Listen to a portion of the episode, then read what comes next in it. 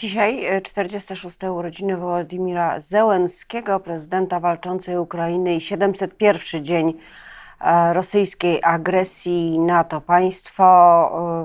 E, dramatyczne wydarzenia dzieją się wciąż, giną ludzie, są także ranni, a także trwa wyjaśnianie przyczyn katastrofy rosyjskiego samolotu, na którego pokładzie prawdopodobnie byli ukraińscy jeńcy. Y, nie wiadomo, kto jest odpowiedzialny za tę katastrofę i jak do niej doszło.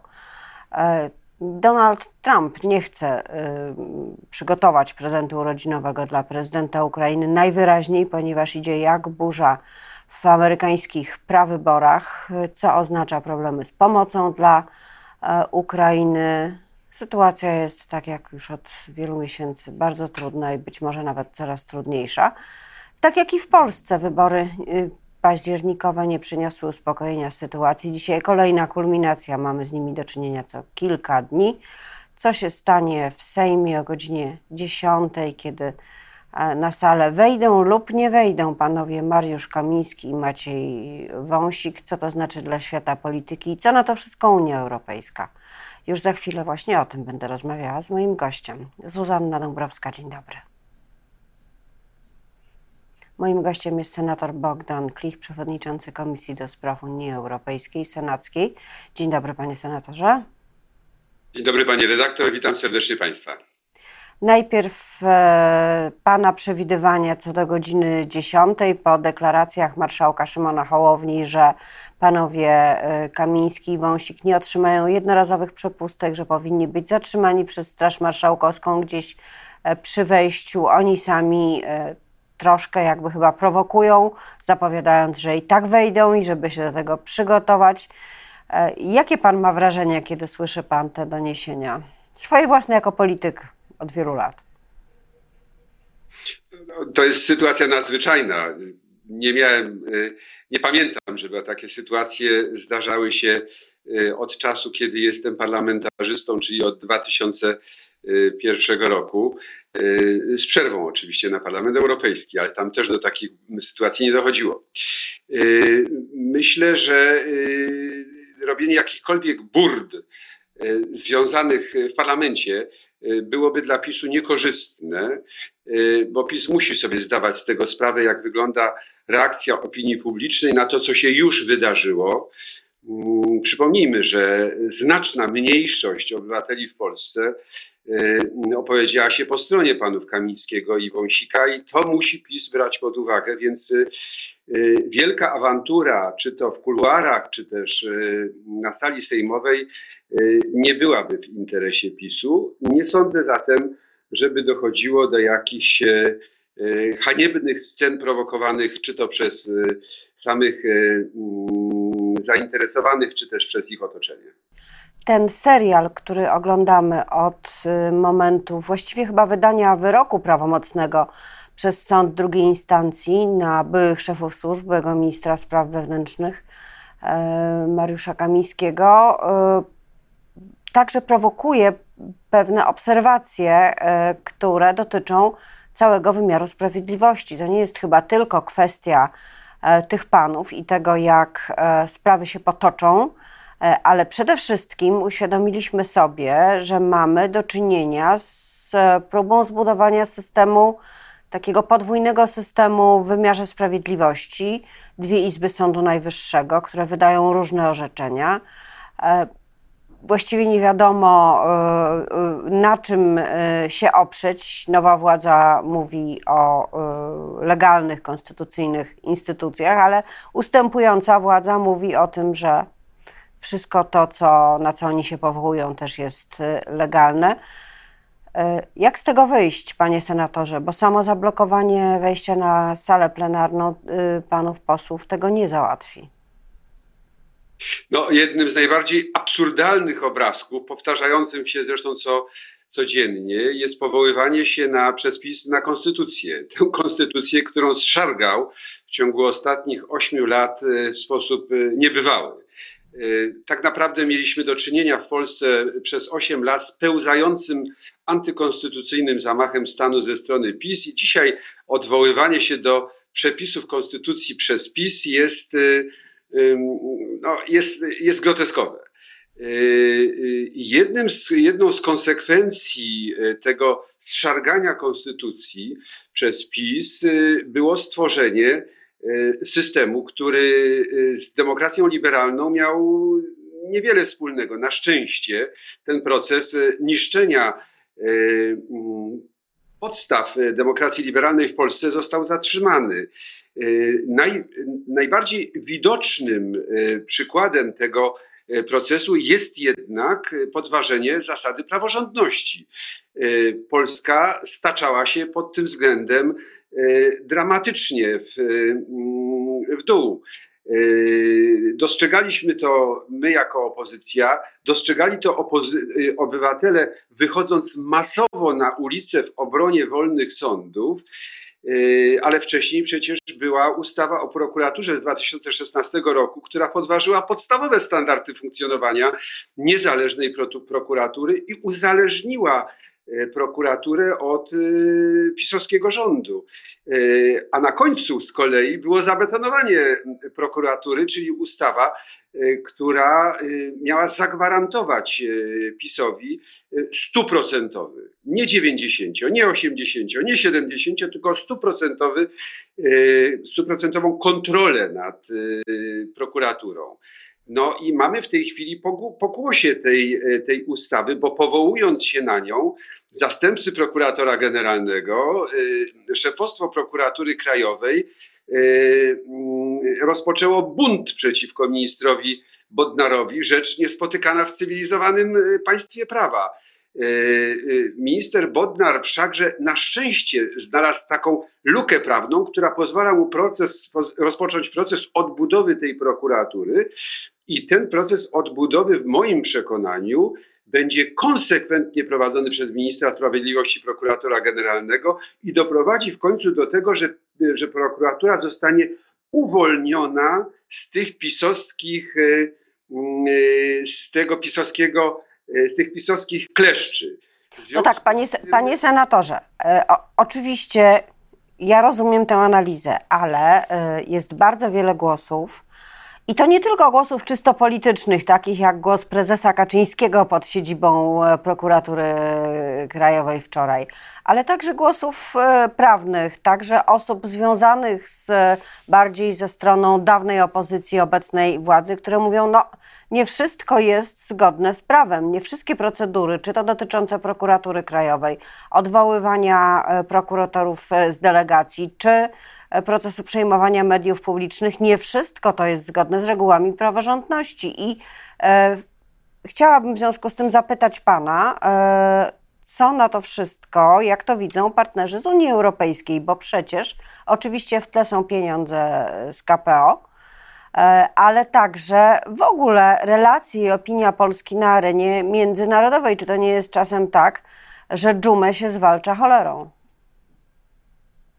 No nie, e, to jest e, nieadekwatne porównanie. E, tak naprawdę nikt nie doświadczył w ciągu ostatnich dziesięcioleci w Unii Europejskiej tego, czego doświadczamy w tej chwili w Polsce. Otóż za wolą wyrażoną w wyborach większości obywatelek i obywateli dokonuje się proces przywracania procesu konstytucyjnego, ale w okresie pomiędzy 15 października a ostatecznym, ostatecznym przywróceniem ładu konstytucyjnego trzeba odchodzić od tego niekonstytucyjnego prawa, które w ciągu ośmiu lat wprowadzał PiS. Y, nie ma recepty na to, w jaki sposób y, to robić. Efekt się liczy. W mediach y, zawłaszczonych przez PiS, a będących wcześniej publicznymi, mamy już programy, które mają charakter obiektywny.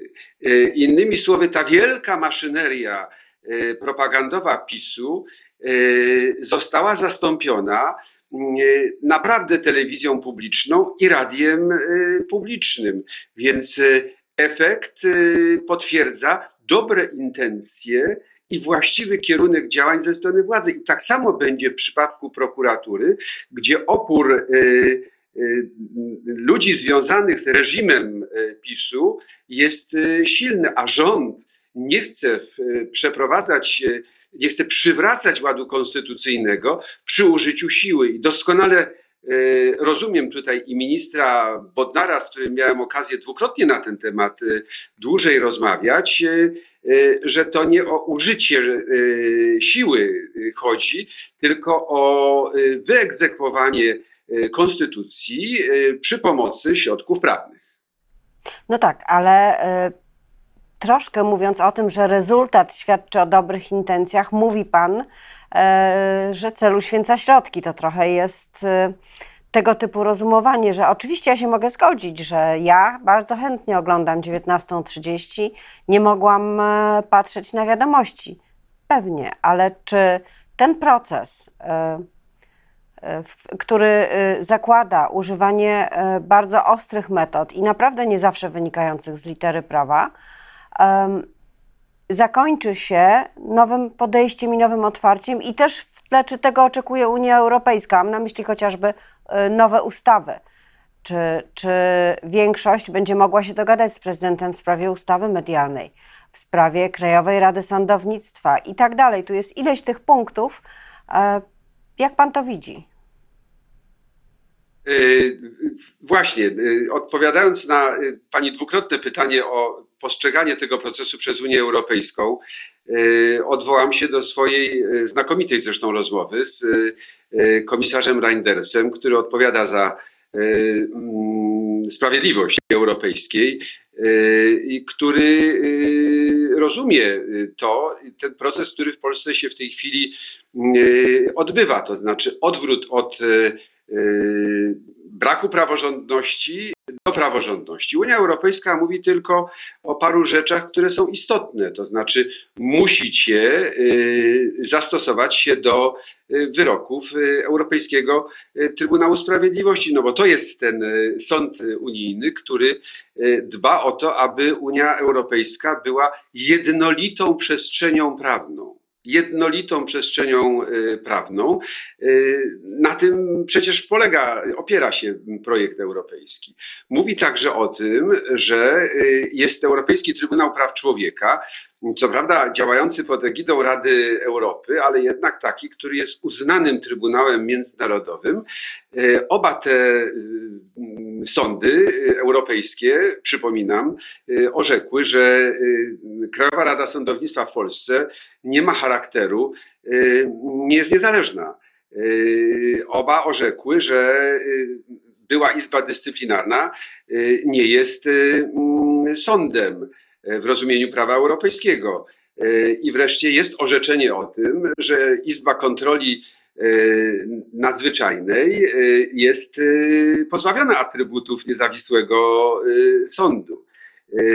O tym pamiętajmy, bo, stosunku, bo PiS chciałby, żebyśmy zapomnieli o tych orzeczeniach. Unia Europejska o nich pamięta, Komisja Europejska o nich nam nowemu rządowi i y, całej, całej koalicji przypomina, że trzeba się do nich y, stosować i to jest punkt pierwszy. Po drugie, Komisja Europejska oferuje swoją pomoc, nie tylko zresztą swo, swoją, bo komisarz Reinders wspominał także o Komisji Weneckiej, która jest do dyspozycji także rządu polskiego, jeżeli chodzi o pomoc w wypracowywaniu Y, rozwiązań. Ja z kolei informowałem komisarza Reindersa o tym, że w Ministerstwie Sprawiedliwości y, y, odbywają się prace legislacyjne. Zostały zakończone prace nad nową ustawą o Krajowej Radzie Sądownictwa. Toczą się prace nad ustawą oddzielającą urząd prokuratora od ministra sprawiedliwości i inne przywracające praworządność w naszym kraju i temu Komisja Europejska chce sekundować.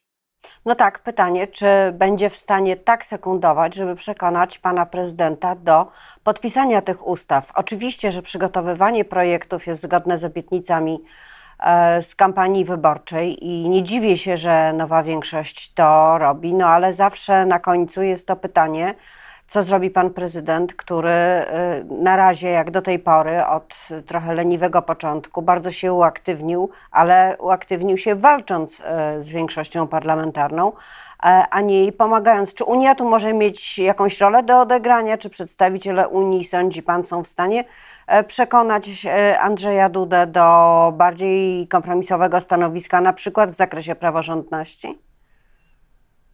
Na to bym specjalnie nie liczył, dlatego że prezydent już wyraźnie zapowiedział, że ci neosędziowie, którzy zostali przez niego powołani, na podstawie y, wniosków z neo-KRS y, y, nie mogą, nie mogą stracić swoich, swoich pozycji, że będzie ich bronił. Nie jest ich wielu, bo to około niewiele ponad 2 tysiące na około 10 tysięcy sędziów w Polsce. Zresztą część spośród nich bardzo jasno deklaruje przywiązanie do wartości niezależnego sądownictwa. Ale w związku z tym nie byłbym optymistą, jeżeli chodzi o zachowanie prezydenta Dudy w tym zakresie. A tymczasem zasadniczą sprawą, którą należy przeprowadzić, jest odbudowanie zależnej Krajowej Rady Sądownictwa. I y, przygotowana w Ministerstwie Sprawiedliwości y, ustawa y, zakłada, że w tej nowej Radzie Sądownictwa 15 członków będą wybierali sędziowie spośród sędziów, a nie politycy spośród, spośród sędziów. I to jest właściwy kierunek. Obawiam się, że tego pan prezydent nie zaakceptuje. Ale już sam proces się liczy. Podkreślam, nawet jeżeli wynik będzie Y, y, negatywny, bo opór y, prezydenta Dudy będzie silny, to sam proces się liczy, gdzie będzie wiadomo, kto jest po której stronie.